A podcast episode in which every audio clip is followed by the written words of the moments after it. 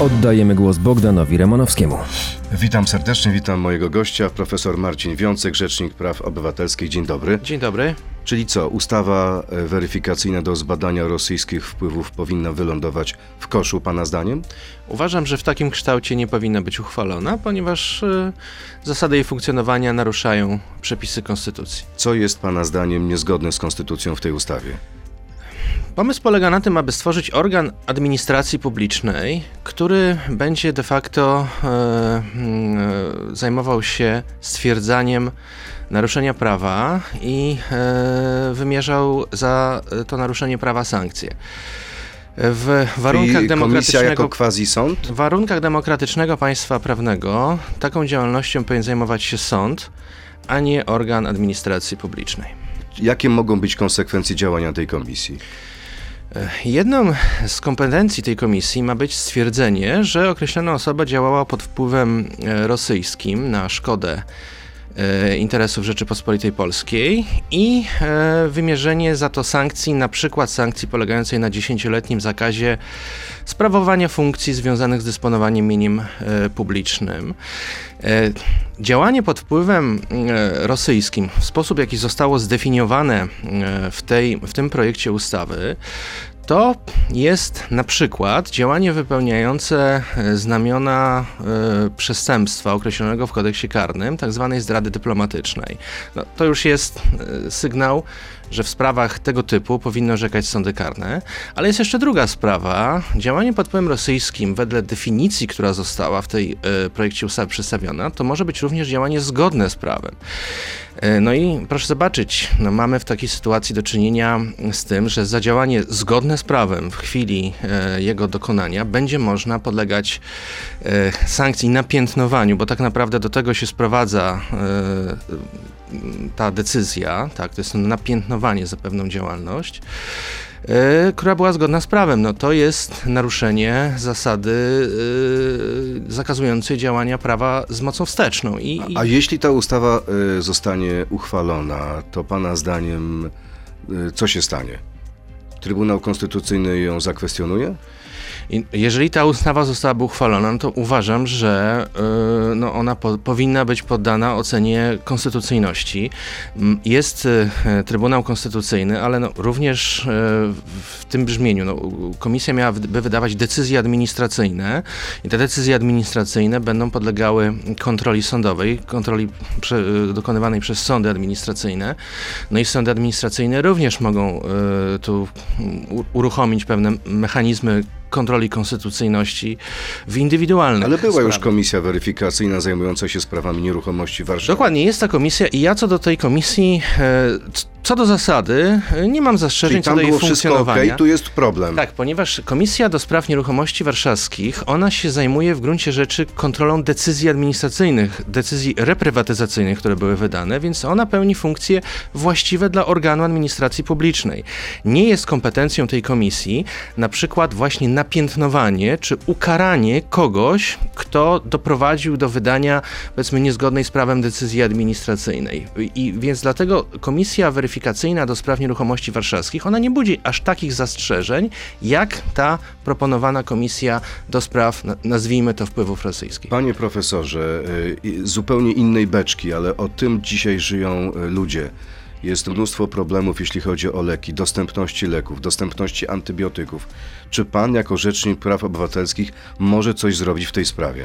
Oczywiście, ja e, już wielokrotnie występowałem do ministra zdrowia, bo to jest organ właściwy w tym zakresie, e, z zapytaniami i ze stanowiskami dotyczącymi braku dostępu do różnych leków czy produktów e, leczniczych. E, I e, no, taka jest moja rola, że Dzisiaj mamy Armagedon, jeśli chodzi o zachorowania.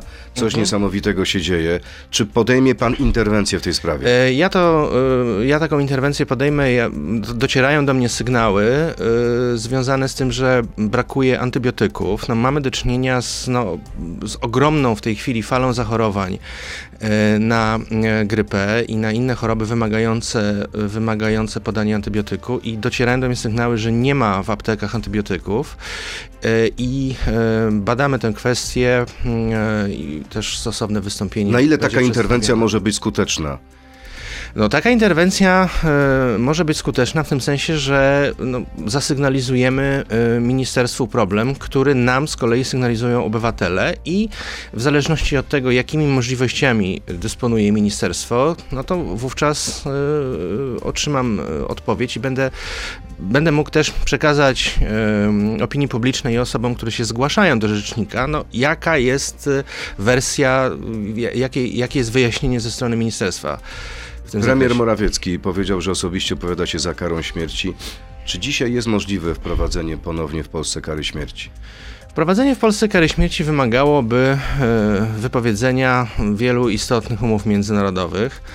E, no, chciałbym podkreślić, że kara śmierci jest wprost zakazana przez dwa protokoły do Europejskiej Konwencji Praw Człowieka, które zostały ratyfikowane przez Polskę. Kara śmierci jest zakazana przez Kartę Praw Podstawowych Unii Europejskiej. Wreszcie kara śmierci jest niedopuszczalna w świetle mm, Konstytucji. E, I uważam, Zna pan że na pewno sondaże. Mhm. Bardzo duża część Polaków, to jest około 40%, opowiada się za karą śmierci. Mamy przykład wielu stanów w Stanach Zjednoczonych, gdzie kara śmierci obowiązuje. No, to prawda, natomiast no, w, w warunkach, mm, w jakich funkcjonujemy, czyli w warunkach, gdzie, kiedy jesteśmy jako Polska członkiem Rady Europy, członkiem Unii Europejskiej, kara śmierci z prawnego punktu widzenia jest wykluczona. Ja nie chciałbym się odnosić do po, poglądów i światopoglądu dotyczącego tej kwestii. E, z A pana z zdaniem, jako prawnika, e, czy kara śmierci ma taki charakter odstraszający? Bo na przykład jest taki pomysł, wprowadźmy karę śmierci, ale wprowadźmy jednocześnie moratorium na jej wykonywanie. To może odstraszyć tych najgorszych przestępców, czy nie?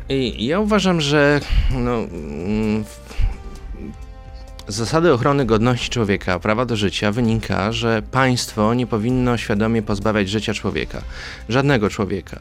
Y, W związku z czym, y, moim zdaniem, kara śmierci w, w świetle tych regulacji i, i tych standardów, na których się opieramy, jest wykluczona. Kiedy podjął pan decyzję o zwolnieniu Hanny Machińskiej, e, zastępcy Rzecznika Praw Obywatelskich, pojawiły się czy, czy rozpoczęły się poważne protesty.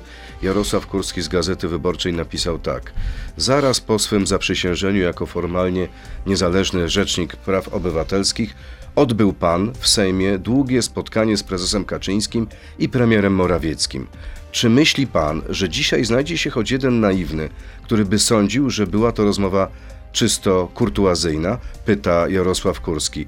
Jest tutaj wyraźna sugestia, że pan zwolnił panią doktor Machińską na życzenie liderów PiSu. Jak pan na to odpowie? No, trudno mi się do tego ustosunkować, bo mm, no, to nie ma nic wspólnego z rzeczywistością. Natomiast oczywiście, no, wyjaśniając tę kwestię, ja po złożeniu ślubowania y, zostałem zaproszony przez panią marszałek na takie kurtuazyjne spotkanie. Y, I ja na tym spotkaniu zostałem zapytany, jakie są moje plany na najbliższe y, miesiące, i ja to, co powiedziałem, to, że będę prosił o e, podwyższenie budżetu Biura Rzecznika Praw Obywatelskich, ponieważ ja zdawałem sobie sprawę, jakie są wynagrodzenia pracowników Biura Rzecznika Praw Obywatelskich. To są wynagrodzenia mm, naprawdę nieadekwatne do e, kompetencji, do zadań, kwalifikacji ludzi zatrudnionych w Biurze Rzecznika. E, Więc w projekcie mm, e, budżetu będę prosił o podwyższenie tych, e, e, tych wynagrodzeń. No plus e, e, wskazałem, że e, na wschodzie Polski Rzecznik Praw Obywatelskich nie ma pełnomocników e, terenowych. Rzecznik ma trzech pełnomocników terenowych w Gdańsku, Katowicach i we Wrocławiu. Na wschodzie Polski nie ma żadnych. I to Czy były panowie dwie Kaczyński i Morawiecki sugerowali jakieś panu rozwiązania personalne? Nie. Mówili, musi pan zwolnić tego i tego. Nie. E, nie żałuje pan e, zwolnienia pani doktor Machińskiej z perspektywy tych kilku tygodni? E, To była przemyślana decyzja. No, chciałem podkreślić, ja e, jak objąłem urząd, nie przeprowadziłem żadnych zmian personalnych. Żadnych. E, Doszedłem do wniosku, że po półtora roku pełnienia tego urzędu ja mogę dokonać pewnej oceny e, tego, jak mm, wygląda moja współpraca z e, poszczególnymi osobami. E, I kierując się dobrem urzędu i kierując się tą misją, którą e, powierzono mi do spełnienia, przypomnę, że to w zasadzie wszystkie e, stronnictwa polityczne opowiedziały się za moim wyborem, mam upoważnienie do tego, żeby kształtować sobie grono najbliższych współpracowników. Teraz czas na krótką piłkę, pięć krótkich pytań.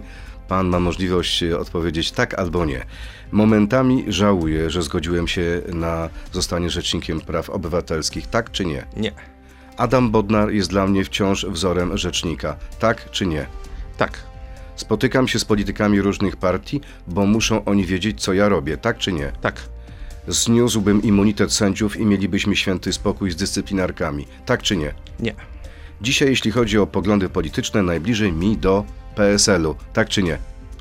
Nie, ja tego nie skomentuję. Moja rola nie polega na tym, aby prezentować poglądy polityczne. A więcej na temat e, m.in.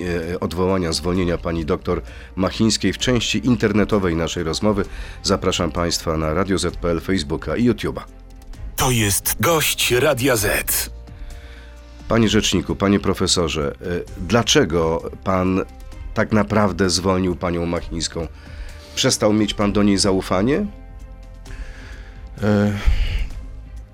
Tak czy nie, chociaż to nie krótka piłka. nie, po półtora roku, e, jak wspominałem wcześniej, ja nie dokonałem żadnej zmiany personalnej. Jak objąłem urząd rzecznika, e, stwierdziłem, że e, będę chciał budować zaufanie do swoich współpracowników i również chciałem, aby współpracownicy poznali mnie i zobaczyli, jak się im ze mną e, współpracuje. E, natomiast no, Ale co było nie tak w waszych relacjach? roku pełnienia urzędu doszedłem do pewnych refleksji co do tego, jak bym chciał, aby ten urząd funkcjonował i jak bym chciał, jakie bym chciał mieć relacje z moimi współpracownikami. I ja e, bardzo wysoko oceniałem e, działalność interwencyjną, zwłaszcza pani doktor Hanny Machińskiej. Ja nie miałem żadnych zastrzeżeń merytorycznych dotyczących tej działalności. Uważam, że e, bardzo wiele dobrego, jeśli chodzi o poprawę standardów, przede wszystkim traktowanie ludzi w miejscach pozbawienia wolności, udało się wypracować. Natomiast z drugiej strony ja y, doszedłem do wniosku, że jako osoba kierująca urzędem, jednoosobowo ponosząca odpowiedzialność, odpowiedzialność za y, funkcjonowanie tego urzędu, mam prawo oczekiwać od y, swoich współpracowników tego, że będę miał wiedzę na temat ich działalności, na temat ich działalności wykonywanej z upoważnienia Rzecznika Praw Obywatelskich, bo chciałbym przypomnieć, działalność zastępców e, to jest działalność podejmowana z mojego upoważnienia i w moim imieniu. Czy I, pani doktor Machińska podejmowała interwencje, nie informując pana o tych interwencjach? I takie przypadki się zdarzały. Ile takie, było takich przypadków? nie, nie, chciałbym podawać liczb, ponieważ ja nigdy nie prowadziłem katalogu tego typu przypadków. No, przykładem jest 11 e, listopada. Interwencja, która miała miejsce e, podczas jednego ze zgromadzeń, gdzie rzeczywiście był problem i ta interwencja była mm, potrzebna, bo doszło do zamknięcia mm, e, manifestantów w tak zwanym kotle policyjnym. To jest e, tak zwany kocioł policyjny to jest de facto miejsce pozbawienia wolności i w tym przypadku y, Rzecznik Praw Obywatelskich ma kompetencje do podjęcia interwencji. I oczekiwał I pan wtedy, była... że pani doktor zadzwoni do pana i pana poinformuje, że tak. takiej interwencji dokonuje? Tak. I nie zrobiła tego. Natomiast ja się o, o, tej interwencji dowiedziałem rano y, z telewizji, więc no i uważam, że... A wyraził pan by zgodę, typu... gdyby był taki telefon na taką interwencję? Oczywiście, nie dość, że wyraziłbym zgodę, to jeszcze bym y, zapewne rozważył, czy nie należy pani rzecznik w tym wesprzeć, czyli poprosić kogoś ze współpracowników, żeby tam jeszcze pojechał. E, być może sytuacja e, wymagałaby tego, żebym ja osobiście tam pojechał, tak, i to też e, jakby na bieżąco mogłaby się pojawić taka konieczność. No a czy brak, sytuacji... brak informacji, brak, brak informacji o o tej interwencji, o tej sytuacji spowodował, że ja tego typu decyzji podjąć nie mogłem. Czy takich sytuacji było więcej? Kilka, kilkanaście? E, sytuacji, w których Między panem a nie, panią. nie e, wiedziałem, doktor. nie wiedziałem o, albo dowiedziałem się post factum o y, pewnej y, aktywności, było więcej i, i dlatego y, była to... Czy utracił pan zaufanie do pani ja doktor? nie, u- nie, ja nie używałbym tego typu sformułowania. Ja po prostu dokonałem pewnej refleksji, w jakiej, w jakiej formule chciałbym y, współpracować z moimi najbliższymi współpracownikami, bo przypomnę, zastępca Rzecznika Praw Obywatelskich jest to najbliższy współpracownik. I doszedłem do wniosku, że mm, e, na, tej, na tym stanowisku e, chciałbym dokonać zmiany. Powołałem na to stanowisko pana profesora Wojciecha Brzozowskiego. A mamy pewność, że następca pani doktor Machińskiej będzie podejmował e, również tak wiele interwencji? Tak, to jest, y, no, to jest podstawowy y, warunek, który ja postawiłem panu profesorowi Wojciechowi Brzozowskiemu. E, Natomiast jest jeszcze druga kwestia, którą chciałbym bardzo silnie podkreślić. E, Ja wystąpiłem w projekcie e, budżetu Rzecznika Praw Obywatelskich na ten rok o dodatkowe środki na kolejne etaty dla Krajowego Mechanizmu Prewencji Tortur, czyli dla tej komórki Biura Rzecznika, która zajmuje się interwencjami. Ja wystąpiłem o 10 etatów. Wedle projektu, wedle ustawy uchwalonej przez Sejm, tych etatów mam otrzymać 5 nowych etatów. E, Jest jeszcze Senat. Ja nawet dzisiaj udaję się na posiedzenie Komisji Senackiej, gdzie będę prosił o to, aby mm, no, mm, przywrócić tę pierwotną wersję e, wniosku, który sformułowałem, aby tych etatów było 10. Jest pan więc- rozczarowany decyzją rządu w tej sprawie? E, Nie, nie powiem, że jestem rozczarowany. Ja rozumiem względy budżetowe. Powinny być, no, równowaga budżetowa państwa powinna być uwzględniana. Ja się cieszę z tych pięciu, które Zawsze to jest więcej o pięć. Oczywiście, że tak. I teraz uważam, że i też em, podczas moich rozmów z panem profesorem Brzozowskim też wskazałem mm, na ten e, właśnie jeden z warunków naszej współpracy, że e, te dodatkowe etaty mają posłużyć temu, aby e, tych interwencji koniecznych było więcej. Staramy się też, myślimy też o zbudowaniu pewnego takiego mm, systemu, bo dotychczas nie było systemu, który by po- powiedzmy obsługiwał te wszystkie przypadki. Zastanawiamy się nad tym, czy nie wprowadzić czegoś w rodzaju takiego hotline'u, czyli takiej linii telefonicznej, która będzie e, dostępna 24 godziny na dobę, 7 dni w tygodniu dla wszystkich osób, które są zatrzymane i wszystkich osób, które potrzebują wsparcia rzecznika. I wtedy taka osoba mogłaby zadzwonić w każdym momencie Dokładnie. i mogłaby spodziewać się pańskiej interwencji albo pańskich ludzi? Dokładnie tak. No, Wcześniej to funkcjonowało na takiej zasadzie, że no, interwencja była podejmowana, y, no, mogę powiedzieć, no, jeś, jeśli mm, aktywista czy ktoś, kto potrzebował takiego wsparcia, dysponował przywilejem posiadania numeru do pani rzeczniczki Hanny Machińskiej. Natomiast no, chciałbym, aby, aby tego typu wsparcie miało charakter systemowy i dlatego wspólnie z panem profesorem Brzozowskim pracujemy nad e, stworzeniem takiego mechanizmu, e, gdzie każdy mógłby liczyć na wsparcie. Kiedy ten hotline mógłby powstać, pana zdaniem? To jest kwestia tygodni, miesięcy? Trudno mi powiedzieć w tej Bo chwili. na to trzeba pieniędzy, tutaj na- musi być e, całodobowa obsługa. Na to trzeba pieniędzy i na to trzeba też pewnych warunków technicznych. Ja chciałbym poczekać, aż budżet zostanie uchwalony i będę miał pewność co do tego, jakie warunki budżetowe będą towarzyszyły mojej działalności. Panie profesorze, teraz porcja pytań od naszych słuchaczy. Jest ich bardzo dużo, proszę więc o krótkie odpowiedzi. Teatr zmian. Dlaczego Rzecznik Praw Obywatelskich nie interweniował w sprawie wytoczonej przez Okręgową Izbę Lekarską w Krakowie doktorowi Martyce, skoro wszystkie jego twierdzenia dotyczące pandemii okazały się prawdziwe, a odebrano mu prawo wykonywania zawodu?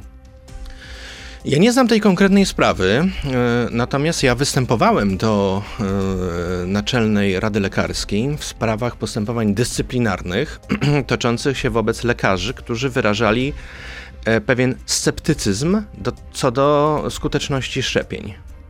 A czy będzie pan interweniował w sprawie doktora Martyki, jak pan się przyjrzy tej sprawie?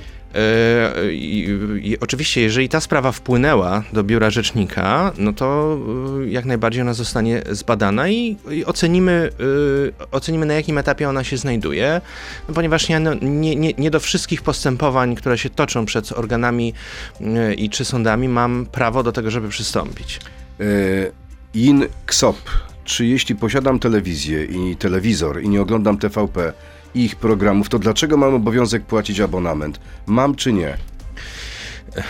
Ustawa, która obowiązuje obecnie dotycząca abonamentu, no, mm, e, zobowiązuje każdego posiadacza odbiornika radiowego lub telewizyjnego do uiszczania abonamentu. Ja kilka miesięcy temu e, przedstawiłem wystąpienie, zresztą to, tego typu działalność była prowadzona również wcześniej, zanim jeszcze ja zostałem rzecznikiem, sygnalizująca, że ustawa o opłatach abonamentowych nie odpowiada zasadom sprawiedliwości i też nie odpowiada pewnym jakby współczesnym e, wyzwaniem i powinna być ponownie przemyślana. Co ma zrobić człowiek, który ma wątpliwości, nie chce płacić abonamentu? Ma nie płacić czy płacić? E, człowiek, jest przepis, który zobowiązuje wszystkich posiadaczy odbiorników radiowych i telewizyjnych do płacenia abonamentu. Są przepisy, które wskazują, kto tego abonamentu nie płaci, na przykład osoby, które przekroczyły 75 rok życia. I jest również procedura która umożliwia uzyskanie ulgi czy umorzenia y, opłaty abonamentowej. Czyli nie ma innego wyjścia, trzeba Krajową płacić. Radą Radiofonii i Telewizji. Tak jak, no, tak jak podatki trzeba płacić, to tak samo opłata abonamentowa jest y, rodzajem podatku. No i Kolejne pytanie w tym duchu. Jest. Kuba Peczaczenko, czy nie uważa pan, że władarze TVP przebili 1984 Orwella? Tam były dwie minuty nienawiści, a na jedynce o 19.30 Polacy otrzymują jej pół godziny. Czy nie uważa pan, że z wysokości swojego urzędu powinien pan chociaż zaapelować o miarkowanie słów w TVP?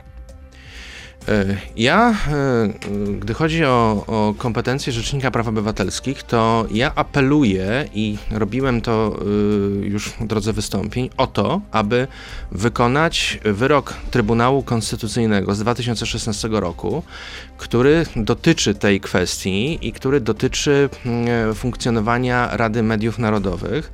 Wyrok Trybunału Konstytucyjnego stwierdził, że tego typu organ on odbiera y, w sposób nieuprawniony kompetencje Krajowej Radzie Radiofonii i Telewizji, to Krajowa Rada Radiofonii i Telewizji powinna mieć przede wszystkim wpływ na funkcjonowanie i y, na y, powoływanie organów telewizji publicznej, publicznej radiofonii. I ten wyrok, bardzo ważny wyrok Trybunału Konstytucyjnego w tej kwestii, który wskazywał, że Rada Mediów Narodowych ona może istnieć, ale ona nie może, e, ona nie powinna przejmować kompetencji Krajowej Rady Radiofonii i Telewizji, ten wyrok jest niewykonany i uważam, że gdyby doszło do wykonania tego orzeczenia, to zasady funkcjonowania publicznej radiofonii i telewizji lepiej odpowiadałyby standardowi konstytucyjnemu.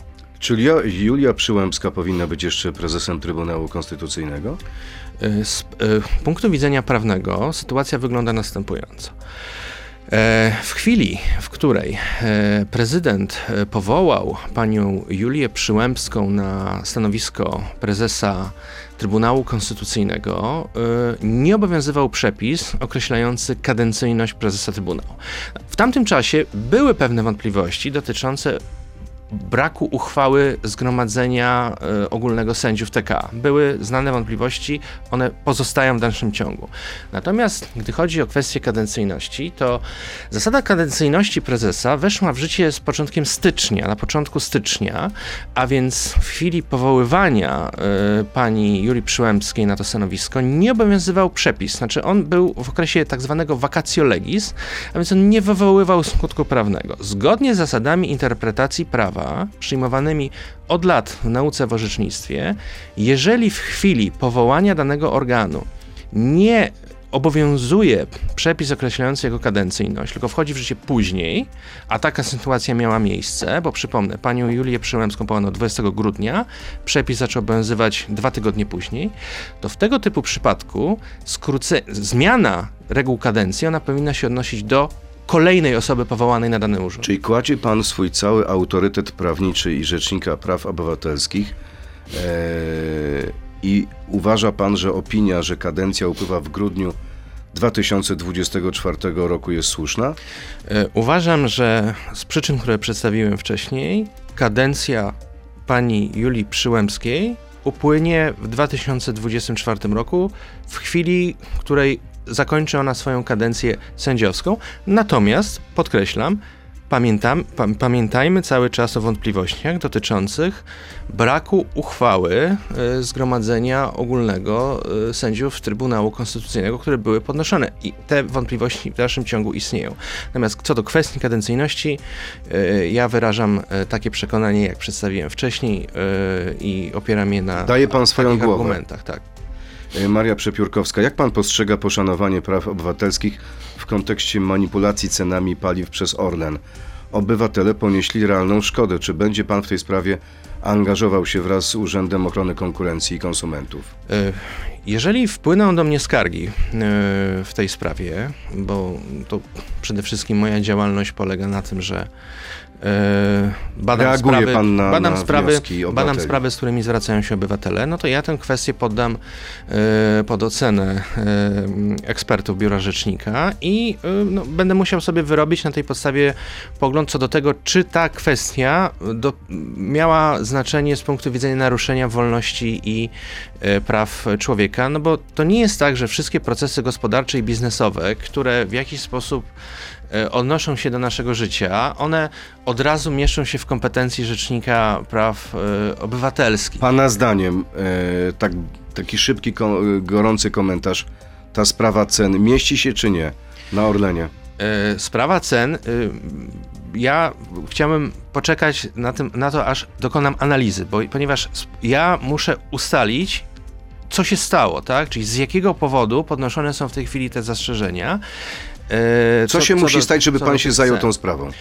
Co się musi stać, żebym się zajął tą sprawą? No powinienem, do- znaczy, jeśli otrzymam skargi wskazujące na to, iż ktoś czuje, iż jego wolności lub prawa zostały naruszone na skutek tej działalności, to ja wówczas będę mógł odpowiednie organy zapytać o to, jakby ja- jakie jest ich stanowisko e, w tej, e, jakie jest ich stanowisko w tej kwestii. Ja to jest sprawa bardzo świeża, więc ja potrzebuję chwilę czasu na to, żeby dokonać jej analizy. I mm, podkreślam, jeżeli, jeżeli uznam, że tutaj doszło do, mm, e, do ograniczenia czy naruszenia wolności i praw e, człowieka, to taką interwencję podejmę. Panie profesorze, dzisiaj premier spotyka się z ministrem Ziobrą i posłami Solidarnej Polski, aby przekonać ich do nowej ustawy o Sądzie Najwyższym. Czy ten projekt, którego pan poznał również parę tygodni temu, jest wart uchwalenia? Ten projekt ma mm, ważny jeden przepis, który polega na tym, iż on wyraźnie zakazuje y, karania dyscyplinarnego sędziów za treść wydanego orzeczenia. Czyli jest krokiem To do jest przodu? pewien krok w dobrą stronę, chociaż należałoby w moim przekonaniu całkowicie wyeliminować skutki wejścia w życie tak zwanej ustawy kagańcowej y, z 2019 roku. To nie następuje. A kwestia E, e, odpowiedzialności, czy też prowadzenia spraw dyscyplinarnych przez NSA? E, Tutaj istnieje moim zdaniem pewien problem. Ja rozumiem, ponieważ Naczelny Sąd Administracyjny on jest w pewnym sensie nieco na uboczu tej dyskusji o niezależności sądownictwa. E, I być może to jest źródłem e, decyzji e, twórców tego projektu ustawy. Czyli mówiąc wprost, nie wywołuje kontrowersji. Natomiast jest pewien problem, ponieważ konstytucja, moim zdaniem, ona konstytucja opiera się na takiej koncepcji władzy sądowniczej, że jest ona sprawowana przez dwa piony. Pion sądownictwo powszechne i wojskowe podlegające sądu najwy, Sądowi Najwyższemu i pion sądownictwo administracyjne podlegające Naczelnemu Sądowi Administracyjnemu. I między tymi pionami powinna być separacja. I nie powinno być tak, że o orzeczeniach sądów powszechnych decydują administracyjne, ani że o orzeczeniach administracyjnych sądów, na przykład środki odwoławcze od, y, rozpoznaje Sąd Najwyższy. Czy przekazanie NSA takich kompetencji, kompetencji. jest niezgodne z konstytucją? Ja uważam, ja uważam, że przekazanie NSA tych kompetencji no, nie powinno mieć miejsca, ponieważ ono jest niezgodne z tym założeniem, o którym przed chwilą powiedziałem. Jeszcze jedna sprawa dotycząca tej ustawy. Jest tam, można powiedzieć, e, kategoria pewnego testu bezstronności sędziów. E, prezydent ma z tym problem bardzo poważny, dlatego że gdyby doszło do mm, wykorzystania tego przepisu, czy praktykowania tego testu, to prawdopodobnie, a może nieprawdopodobnie, tylko na pewno, podważyłoby to status ponad 3000 sędziów powołanych przez prezydenta. Czy prezydent ma rację i czy rację mają ci, którzy mówią, że gdy zaakceptujemy, zaakceptujemy ten przepis, dojdzie do chaosu w sądach, bo dojdzie do podważania orzeczeń. Odpowiedź na to pytanie powinna być poprzedzona pewną uwagą. E, podstawowym, elementarnym problemem w tej chwili władzy sądowniczej w Polsce jest Krajowa Rada Sądownictwa. To skład Krajowej Rady Sądownictwa i sposób kształtowania składu Krajowej Rady Sądownictwa to jest główny problem i główne zastrzeżenie podnoszone przez Trybunał Sprawiedliwości Unii Europejskiej i Europejski Trybunał Praw Człowieka. Czy ja dobrze pana rozumiem, że jeśli nie zostanie rozwiązana w polskim prawie sprawa KRS, to Bruksela, to Unia Europejska będzie podważała, czy będzie miała wątpliwości co do kolejnych rozwiązań? Nie wiem jak Bruksela, jak Komisja Europejska, ponieważ kwestia KPO jest pewnym, e, pewnym porozumieniem politycznym. Ja wskazuję, jakie są standardy Trybunałów Europejskich, czyli Trybunału Sprawiedliwości Unii Europejskiej, Europejskiego Trybunału Praw Człowieka. Bez zmiany zasad funkcjonowania Krajowej Rady Sądownictwa nie ustaną orzeczenia negatywne dla Polski tych organów, ponieważ to jest źródło to jest główne źródło, istota problemu i bez zmiany zasad działania, zasad kształtowania składu KRS, te zastrzeżenia będą w dalszym ciągu podnoszone. Czy nie warto zastosować opcji zerowej i znieść immunitet sędziów? To jest też decyzja polityczna. Immunitet sędziów jest w Konstytucji, e, a więc e, zniesienie immunitetu sędziów wymagałoby zmiany Konstytucji. A pan Są państwa, co myśli o tym? są państwa, w Jako których prawnik. nie ma immunitetu sędziowskiego. Ja uważam, że e, immunitet nie jest przywilejem. Immunitet jest gwarancją nieza- niezawisłości sędziowskiej, jest gwarancją niezależności władzy sądowniczej. Ja jako obywatel lep- lepiej się czuję, im więcej gwarancji niezawisłości, niezależności sądów jest. Skoro immunitet jest taką gwarancją, nie jest przywilejem, o ile jest dobrze stosowany, prawda? To jest też kwestia, którą trzeba, e, o której można rozmawiać, ale uważam, że istnienie immunitetu wzmacnia niezawisłość sędziów, wzmacnia niezależność władzy sądowniczej, a więc ja jestem zwolennikiem utrzymania tego rozwiązania, aczkolwiek wskazuję, że są państwa, gdzie tego immunitetu nie ma i one funkcjonują. Na przykład we Francji nie ma takiego immunitetu, prawda? No, czyli decyzja należy do polityków. Decyzja jest to Dodajmy polityczna, ponieważ ona wymaga zmiany konstytucji. Bardzo tak. dziękuję. Pan profesor Marcin Wiącek, Rzecznik Praw Obywatelskich, był gościem Radia Z. Dziękuję bardzo, miłego dnia. Bardzo dziękuję. Dziękuję. To był gość Radia Z. Słuchaj codziennie w Radio Z i na player radioz.pl.